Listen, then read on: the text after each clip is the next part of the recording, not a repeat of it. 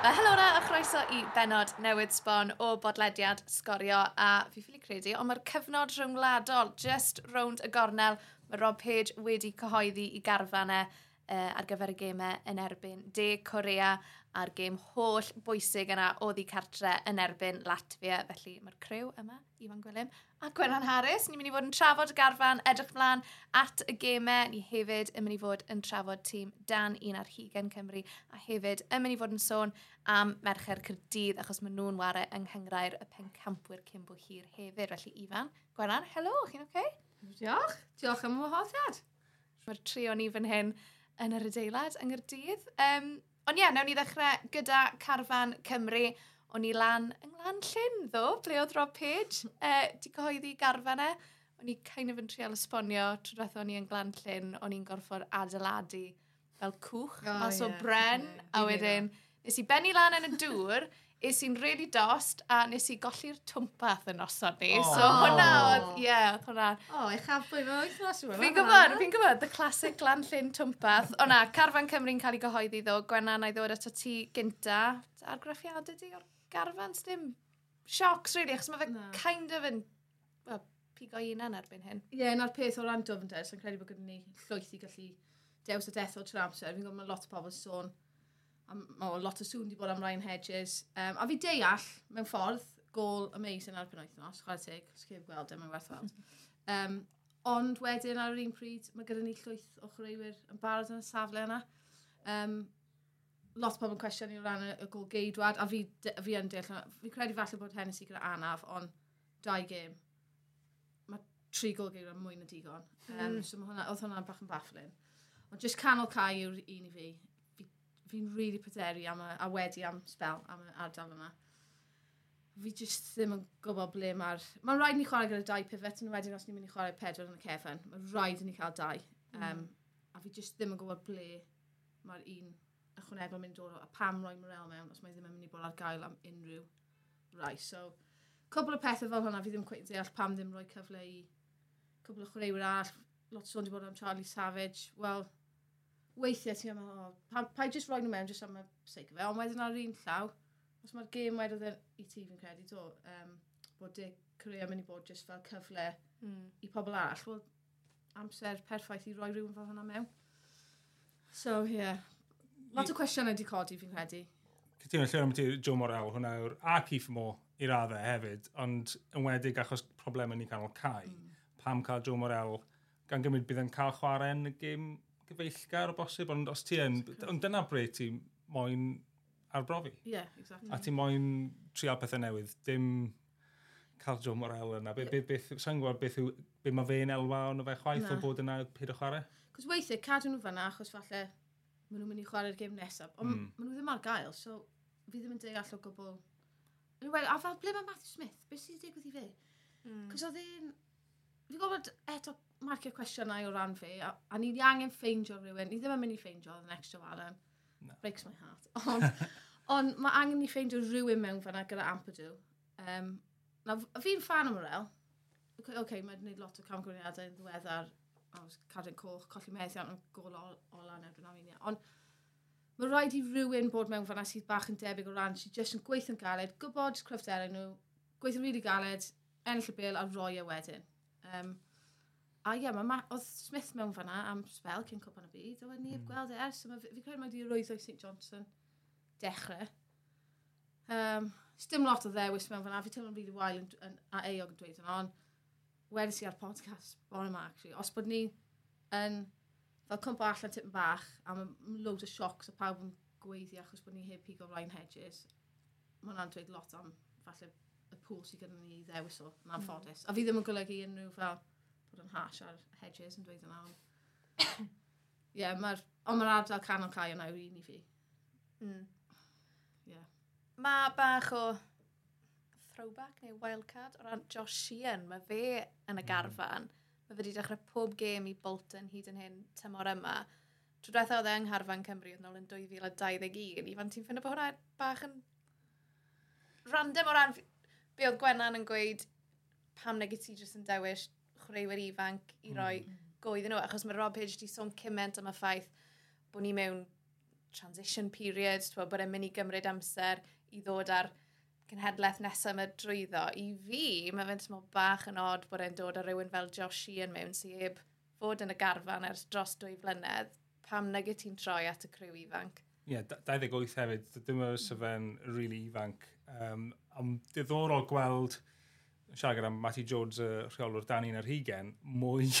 mae Robin, Robin Colwell amlwg wedi mynd lawr at yr tîm Dani yn yr Higen. Mae hyn o mwy nawr, achos mae Luke Harris wedi gwneud y cam lawr at tîm Dani yn yr Higen. Mae Joe Lowe oedd gyda ni yn y tîm llawn trwy trwy'r mae fe lawr hefyd. Okay, falle bod nhw ddim yn ni ddim yn sôn dan nhw yn yr un sef, sef, um, sefleoedd a Sheehan, ond mae yna trend o mwy o'r chwaraewyr yna'n cael amser gyda tîm dan ni'n yr hugen game time ond falle, os ydy Luke Harris sydd ddim wedi cael cap eto, ond wedi bod mewn sawl carfan yn mynd i cael um, gêm, wedyn ni gêm gyfeillgar yn mynd i Corea, hwn yw'r gêm gyfeillgar cydda ers dros blwyddyn yr gêm Gweriniaeth mm. Czech nôl mis Mawrth llynedd. Mm. Ond trwy'n yeah. ni gael gêm gyfeillgar, so felly hwn oedd y cyfle cynta mm. o bosib i rhywun fel Luke Harris gael cap a dangos beth oedd e'n gallu gwneud o flaen Rob Page, ond mae fe nawr lawr gyda Matty Jones a mae fe'n fach iawn o gael Luke Harris, fach iawn o gael e, a Colwyl, ond um, yeah,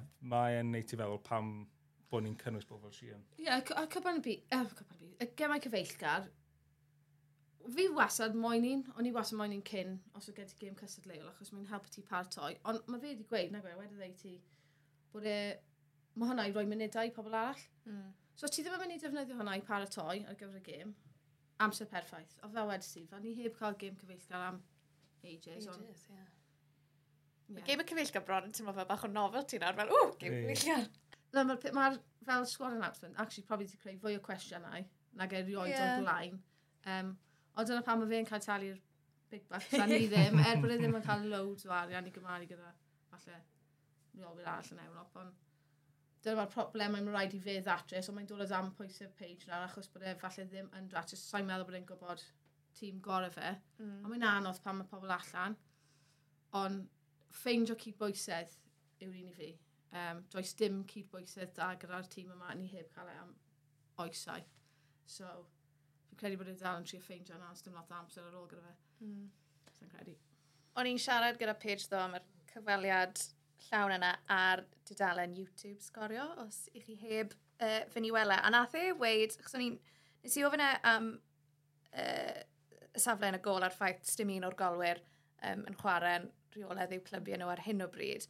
A wedodd e, ond o ran yr un ar 10, hwn yw siŵr o fod y, y cyfnod gorau mae Cymru wedi cael ar spel o ran chwaraewyr yn, yn dechrau'n rheolaidd i'w clybiau nhw. Ti'n cytuno dy hwnna? Ie, yeah, yeah, um, o ran y... Fel yn ddiweddar, fi'n ni dechrau tymor, ond mae'r... Os ni'n dweud rhan fwyaf, ond falle dau tredydd o'r carfan yn So. Yeah. Fi'n credu gwahaniaeth mawr yw. Ni, ond, no. ond mae'n well na goedd. E, a mae'r... Pobl dwi'n rhan ffitroedd, mae ddim yn diffyg ffitroedd, achos mae'r chwaraewyr yna, maen nhw'n neud y, y redeg sydd angen. So ti'n methu gêm, o'n i'n cysau hwnnw. Ti ar y fanc, ti ddim yn chwarae. A honestly, o'n i'n absolute cysau. Os enw ti ddim ar y tablen, fel, I got to do all that running now, ar ôl y gêm. Cos ti an, os ti ddim yn chwarae, mae'n rhaid ti'n neud y redeg i neud lan y beth sydd colli. So ti yn yr un lle. So o ran y ffitroedd yna, maen nhw'n iawn, maen nhw, maen nhw ddim allan o le. Mae just y sharpness, na beth yw e, a ni wedi gweld am spel nhw wedi cwpan y byd ag ers ni, ni just ddim yn digon sharp. A ti'n cael dy cosbi ar lefel rhwng rhwngwladol? Ti'n falle gallu cael ei ffwrdd gyda fe mewn League One neu Championship, ond ti'n just methu yn lefel yna. So, mae fe yn dda i gweld y chwaraewyr yn chwarae'n fwy gyson, ond bys fe'n lyflu cael ddim cael y problem o hwnna'n dod lan yn, yn reolaeth, ond dyna'r sefyllfa ni mewn am ffordd.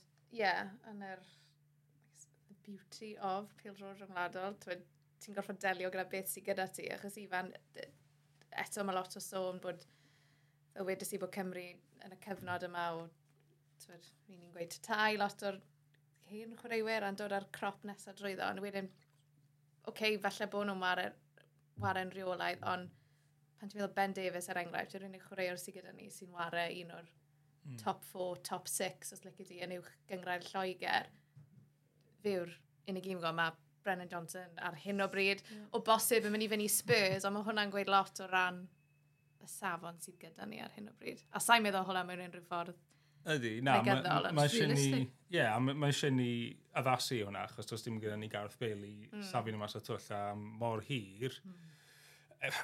Ers 2006, lle ni wedi chwarae gyda carfan llawn o pobl falle sydd y tyd gyda Ashley Williams yn y cefn a pob un sydd ar, ar lefel yna sydd yn glir a fod y rhyngwladol. Ni nawr yn chwarae gyda'r gyda cymysgedd. Mae gyda ni rhywun fel Ramsey sydd wedi chwarae ar lefel ucha, Ben Davies sydd yn chwarae ar lefel ucha, a mae ti pobl sydd yn chwarae ben cymphoriaeth neu yn adran gyntaf. A mae'r decision ni addasu i y garfan sydd gyda ni, achos does dim gynnu Gareth Bale rhagor. So ie, yeah, mm. na, mae'n anffodus, ond Wel, na ble ni'n sôn am ffeind, trio ffeindio'r cydbwysedd. Mm. Um, fi jyst ddim yn meddwl, fi ddim yn credu bod ni'n gwybod tîm gorau. Mae gen i unigolion rili, really, really dda. Ond ni methu quick fit yn i mewn. So, fel Ramsey fel enghraifft. Ti'n methu chwarae, ti'n methu chwarae yn eistedd. You just cannot... Mae'n gallu chwarae fan, ond ti just ddim yn cael y cryfderau allan o fi. A wedyn, no. mae'n effeithio'r tîm. Fi'n massive fan o Wilson. Fi'n meddwl bod wedi bod un o'r chwaraewyr gorau Cymru dros y gemau diwetha. Ond Os mae Ramsey'n chwarae, mae'n anodd cael fe mewn. Cos ni, ni methu chwarae Pedro yn y cefn gyda just Ampadw. So ydyn ni newid y system nôl. Ond wedyn, o oh, mae gymaint y cwestiynau.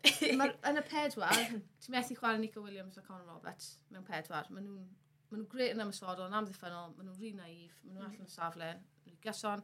So ti'n mynd i pimp, ond wedyn sut ti'n ffitio mewn Wilson a.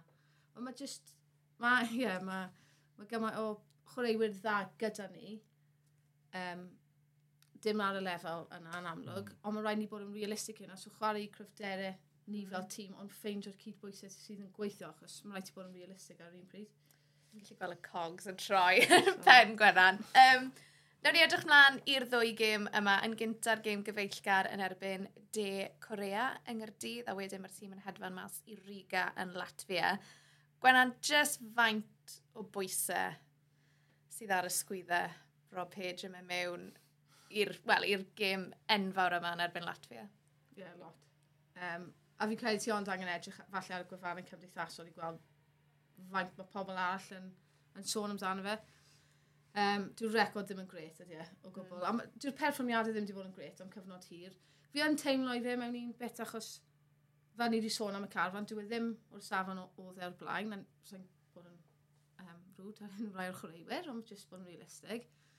So mae ond yn gallu gwneud rhywfaint, ond eto, fel ni'n gweud, fi ddim yn meddwl bod e'n gwybod y tîm grafach e, a does dim cydbwysedd gywir, a mae angen fi wneud penderfyniadau fwy.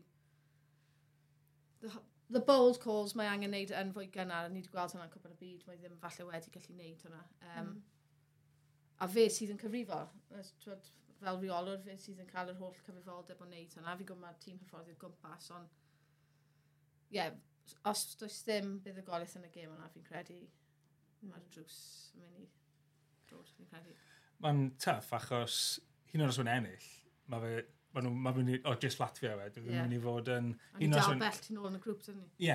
yeah, so dwi e ddim yn mynd i allu safio hunan yn y ffenest yma, dwi'n meddwl beth i gwydydd. A un os o'n curo De Corea a curo Latvia e yn gyffyrddus, Dwi dwi'n dwi mynd i wneud lot o wahaniaeth i'r bobl sydd yn anhapus, fi'n meddwl o hyn o bryd mae fe'n mynd i ddod yn y ffenest nesaf pan ti chwarae yn erbyn Croatia. Dyna'r dyna y test mawr. Um, ond ie, yeah, cytuno, os, os, os, os dim buddigoliaeth yn mynd Latvia, ond mae fe'n mynd i fod yn anodd, achos ti'n edrych ar canlyniadau Latvia, ni sydd wedi ennill mwy o cyffyrddus yn erbyn nhw. A doeddwn ni ddim yn mm. gret gartre yn erbyn nhw. Gyda nhw cyfleoedd gym. Yeah. Munud echwanegol nath nhw ildio yn erbyn Twrci ac yn erbyn Armenia i golli. Do, o'n nhw o fewn trwch blewn i cael gym y cyfartal yn erbyn rhain So dyn nhw ddim yn mynd i fod yn hawdd yn wedig o'r cartre, so mae fe'n mynd i fod yn anodd. A byddwn ni'n cymryd 1-0. O, bentan, ie, bys ni'n cymryd 1-0 yn bob gym, os mae'n angen. Ond dyw'r chwaraewyr heb helpu eich chwaith, achos wedyn, just, sorry, on, y ddau cadw'n coch yna, mm. mor silly, mm. gan y ddau. A maen nhw digon profiadol hefyd, a ni'n neud yr un fath o camgymeriadau yn amddiffynol. Yeah. So mae rhaid i nhw... Cyf... Fi te... Dyma ble fi'n teimlo fe tipyn bach, achos ti'n gallu setio nhw lan, fel ti'n moyn, oce, okay, a ni'n cwestiwn ni ffordd maen nhw wedi, fe wedi setio nhw lan. Ond pan maen nhw'n mynd ar y cae, mae rhaid yn nhw cymryd cyfrifoldeb bach fwy, a fi ddim yn gweld y ril arweinio ti'n sôn am ti'n fel Ashley Williams a pobl fel hynna. Fi just... Ni ddim wedi cael cymeriad fel Ashley Williams am spel, neu gweld ers Ashley Williams. Ond, fi ddim yn gweld, yn y gemau diwethaf, fi jyst ddim yn gweld unrhyw un fel Ampadw probably, yw'r arw, you know, yn cwpan y byd, fe oedd chwarae'r gorau ni, heb os na gorau bai, fe oedd yr unig un, oedd yn rhoi troed i mewn, dangos bach o anger, fi'n gwybod o nhw, fi ddim yn cwestiynu.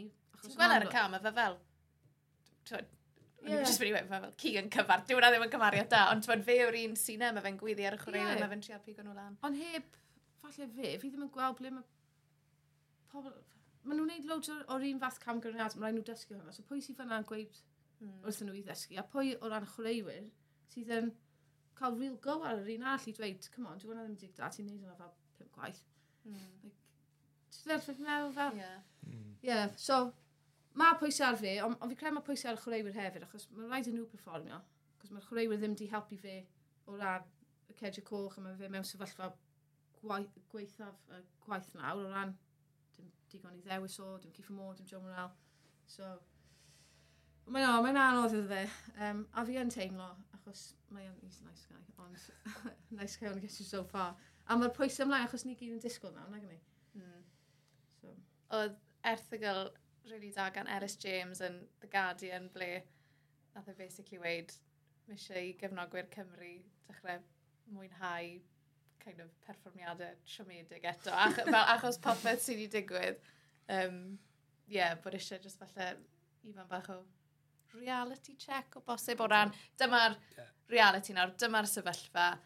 Yeah. Pil drod rhyngwladol, ti ffili Gyda, ie, mae angen i ni seto uh, disgwyliadau yn wahanol, ond fi'n. Ond hefyd ni really moyn mynd i'r Almain. Nethon ni byth mwynhau y perfformiadau hopeless na. So, Ti'n gwrs angen mynd i mwy, Rwy'n ni'n neud yn ystod y dyddiau di, nag o'n i? Ie, fi wedi gweud, ti'n gwybod y canlyniad yn yn Croatia, probably peth gweithio gallu digwydd. Achos ar ôl cwpan o byd, oedd pawb fel, oh dear. Like a false like, sense of hope. Yeah, generally, achos mm. o'n i'n gweld perfformiadau ni, cwpan o byd, ni way off it, ni colli wedyn, Bale ac Alan, oh, fi ddim yn hoffi dweud e, um, bod e'n mynd ac yn y blaen.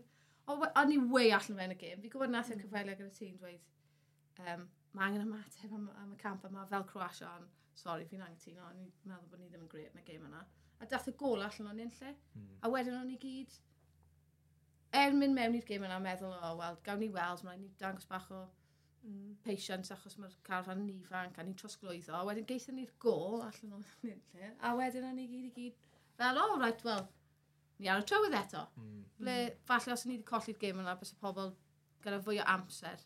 Um, ond hefyd, mae'r i gymharu ag beth oedd arfer bod, mae dau yn mynd trwyddo pob grŵp nawr, so mae'n mm. haws i fynd, mae dal yn anodd yn amlwg, ond mae'n haws i fynd trwyddo nag mm. oedd e. Mm yeah. Mae ma, ma, ma fe'n anodd, wel, dylai fod yn anodd i beidio ar gyfer Cymru mynd trwy ddo, achos mae ma dau, fel ti'n gweud, dylai ni fod yn cyrraedd y top two. Yeah. Ma, ni wedi bod yn anlwcus braidd gyda Twrci mewn fel Four seeds. Um, yeah, mae'n tough grŵp i fod dig. Ti'n edrych arno fe, ti'n meddwl, o, neis, ond actually na, achos mae unrhyw'n gallu curo unrhyw'n. Oedd am Armenia'n yeah. well nag oedd pawb yn meddwl. Mm. Yeah. Actually, ni'n gwrando i cyfweliad nath i e gyda ti a ni'n meddwl, o beth oedd e'n gweud, oedd e'n siwnio fel o'n nhw wedi underestimate nhw yn gyfer mm. gwbl. Na beth oedd e'n siwnio fel. Yeah. Ti'n methu wneud yna ar lefel yeah. ryngwladol, a nath nhw rhoi gwersi ni ar sut i orffen cyfleoedd. Mm. mm.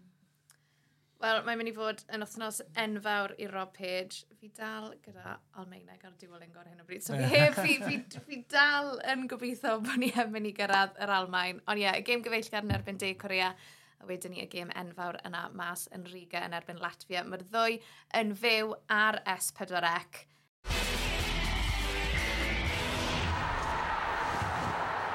Wyn i droi'n sylw at dîm Dan un ar hugen Cymru, hmm. achos Ifan, o ti yn Rodney Pryd bore yma yn siarad gyda Matty Jones, y reolwr. Mae yna gemau, gem gyfeillgar yn erbyn Liechtenstein. Liechtenstein. A wedyn ni Lithuania mm. yn yr Euro Qualifiers. Be o dymati i weid? Ie, yeah, wel, excited am y garfan. Mae yna enwau mawr wedi dod lawr, unwaith eto fel Colwyl, Lucaris. Um, mae yna enwau newydd hefyd. Oedd Charlie Crew yn fforddi gyda nhw trwetha.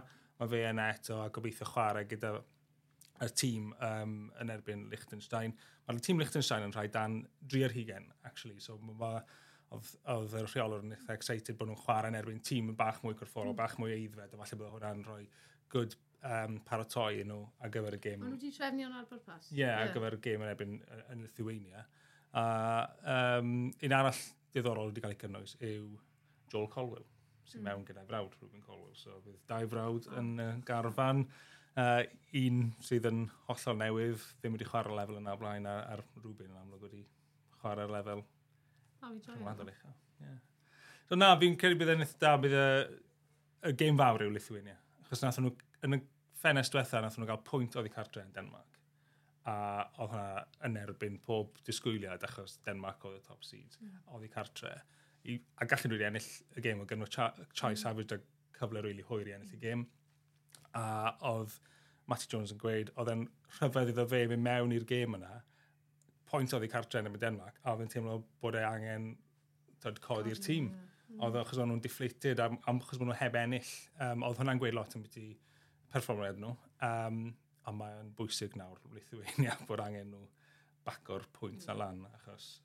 Ie, yeah, gallen, gallen nhw wneud yn reit dda. Mae'n ma garfan sydd mor gyffroes a sydd wedi bod ers blynyddoedd o ran carfan dan 11. Ie, yeah, mae dan 17 oedd newydd bod yn angen y ffainal. Mm. So mae ma yna talent fawr yn dod trwyddo. Mm. a Falle maen nhw ddim cweit yn barod eto o ran cam i lan, ond mae gêm fel hwnna'n perffaith o ran paratoi ar gyfer y gêm, ond hefyd i helpu adeiladu i fynd lan i tîm llawn hefyd. So, ie, yeah, gobeithio. Fel wedi, mae'n anodd weithio, pan ti'n cael canlyniad mawr fel hwnna. Mm. Um, ie, yeah, mae'n anodd, mae'n rhaid ti really codi dy gêm. Achos rhaid y gemau fel hwnna wedyn ble falle mae pawb yn disgwyl i chi ennill. Yw rhai sydd bach yn tricky. Um, mm. A fydd disgwyliadau actually y Lithuanian paratoi ar gyfer nhw. Um, falle di newid hefyd achos y canlyniad. So. Mm. A oedd y Lithuania, nath nhw chwarae Denmark jyst cyn i ni chwarae Denmark hefyd, a nath nhw sgor yn rili really gynnar yn Denmark, roi bach o sioc iddyn nhw. So, ma, oedd Matty Jones yn eitha honest yn gweud, yeah. maen nhw yn bobl ni'n cymryd yn serious, yeah. mm. a maen hmm. nhw fel ni, dyn nhw byth di cyrraedd euros o blaen, felly maen nhw, maen motivation yeah. peth. So oedd e'n trial wneud y swnio bod nhw'n underdog, oedd e'n gweud bod nhw'n licio, bod nhw'n dod at pob gêm uh, gyda'r meddylfryd bod nhw'n underdog, a bod nhw'n hmm. licio hynna, ond na, fi'n meddwl mae'r rhaid ti ennill. Ie, ie, bendant. Bendant. A Ifan, ti'n mynd i fod yn sylwebu ar gemau Tîm Cymru dan un ar hugen. So, prym nhw'n mlaen, fel all pawb wylio nhw? Uh, gwylio ar-lein. Uh, Mae'r gêm gynta getre yn Rodney Parade. Mae tocenau dal ar gael os chi moyn gwylio yn fyw, ond chi'n gallu gwylio ar sgorio ar uh, platfformau digidol hefyd. Gwrando ar ni... Dulce Tones, Ifan Gwilym, y sylwebu. Ie, yeah, fi sylwebu uh, o Mike Davis in English, if you prefer. um, a wedyn ni yn uh, nos fawrth, so ar ôl y gêm Latvia, ond nhw oedd i cartre yn Lithuania, so um, heblaw bod chi allan yn Latvia yn gwylio'r tîm llawn a ffansi trip o ar draws y border Lithuania, fel fi'n meddwl mae rhai yn neud. Ie, yeah, mae cwbl o bobl yn neud. Os, mae'n ma, ma, ma, ma gweithio'n berffaith, achos ti'n gallu gwylio yr ddwy game getre, yr uh, South Korea a Liechtenstein, a wedyn ni gwylio Latvia a Lithuania. Ond ie, uh, yeah, mae'r un Lithuania hefyd ar, ar sgoriau hefyd.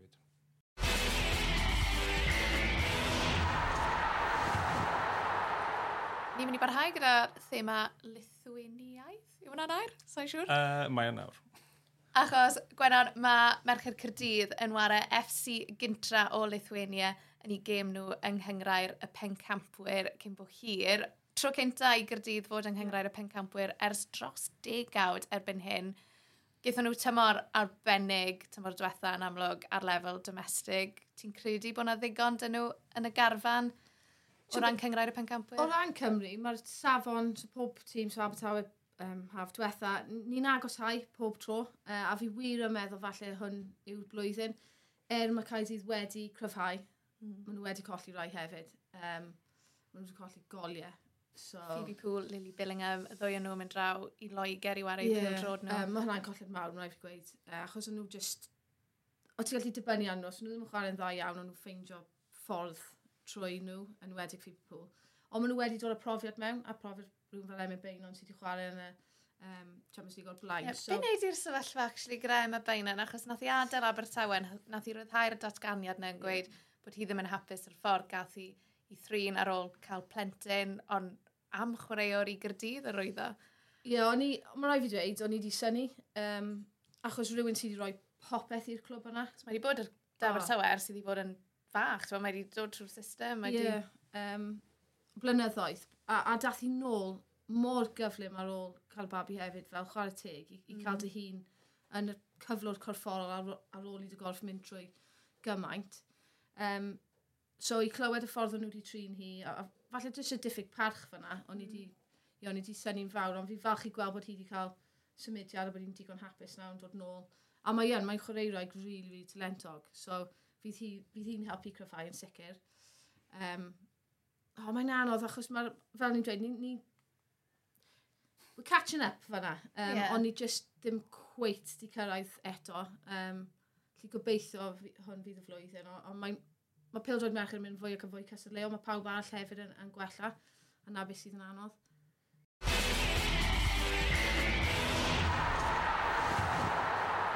cyn i ni orffen gwenna, mae'n dal cwpl o thnosau i fynd cyn i'r adran prem ddechrau o ran y merched, ond jyst yn gyffredinol, i ni wedi sôn bod y lefel jyst yn mynd yn uwch ac yn uwch bob tymor. Mae nawr dy ti Cyrdydd semi-professional, Abertawe semi-pro, Wrexham, twyd, mae na... Yeah. Mae fe'n mynd i fod yn rili really gyffroes, nag yma? E? Ie, yeah, mae'n jyst lyflu gweld fel y cefnogaeth maen nhw'n cael um, o ran y clybiau yn amlwg yn ariannol, ond jyst o ran cyflister, a jyst cael ei trin gymaint fwy. Um, fel chwaraewyr Mm. Wel, mae'n amlwg yn proffesiynol llawn, ond fel chwaraewr proffesiynol yn cael y cyfle i ymarfer fel dylsyn nhw. Um, a gyda hwnna, mae hwnna'n mynd i codi safona hefyd. Bydd e'n diddorol gweld sut mae pawb all yn y gyngrair yn uh, ymdopi hefyd. Dwi'n credu mae Barry wedi rhoi cwbl o cytundebau allan hefyd. Os ti ddim um, i'r gap fod yn enfawr rhwng na. y, y clybiau A dyna beth oedd actually yn neis llynedd, achos oedd gen ti lle, oedd Caedydd yn arbennig, ond mm. oedd gen ti rai clybiau pobl yn disgwyl i stryglo, ond wnaethon nhw'n dda iawn. Mm. Um, so ma, oedd hwnna'n arwydd dda. Ond mae jyst, mae jyst yn cyfnod mor cyffroes y pildroed merched yn gyffredinol, a gyda pobl yn cefnogi, mae'r ma safonau jyst yn parhau i wella. So, um, bydd ein hyfryd i gweld torf mawr um, eto, achos oedd y torf agoriadol llynedd yn fwy na unrhyw torf dynion um, mm. o ran Cyngor Cymru, sydd yn dangos bod y diddordeb yna hefyd. Um, so mae hwnna, ma hwnna wasod yn neis i, i weld. Ie, yeah, mae hwnna'n bwynt rili da i fan, achos o ran y torfe...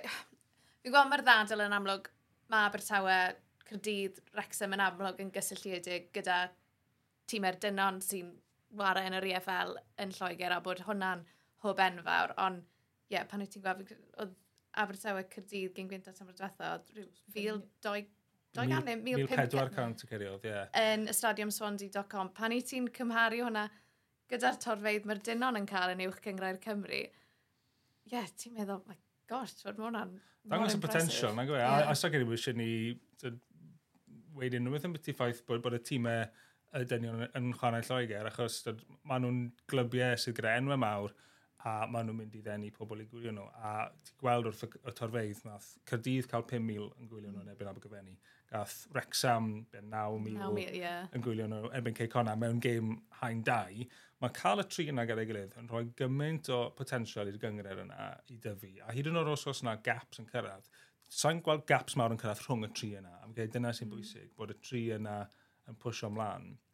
A mi fydd yna glybiau fel Met neu o be fi'n clywed mae seintiau yn cryfhau hefyd. Mm. Mae nhw'n mynd i... Dyd, dyn nhw'n mynd i fod bell tu ôl. A, a falle mi fydden nhw tu ôl, ond mae fe'n mynd i tynnu popeth lan gyda nhw hefyd. So na, fi'n really excited am beti uh, tymor sydd i ddod. Ac wrth gwrs, fe fydd sgorio ar draws yr holl beth, yr holl gyffro yn y brif adran Genero. Lot o gemau byw o ran uh, cyngrair y merched fan hyn yng Nghymru i ddod ar sgorio ar Esbyrrec tymor yma.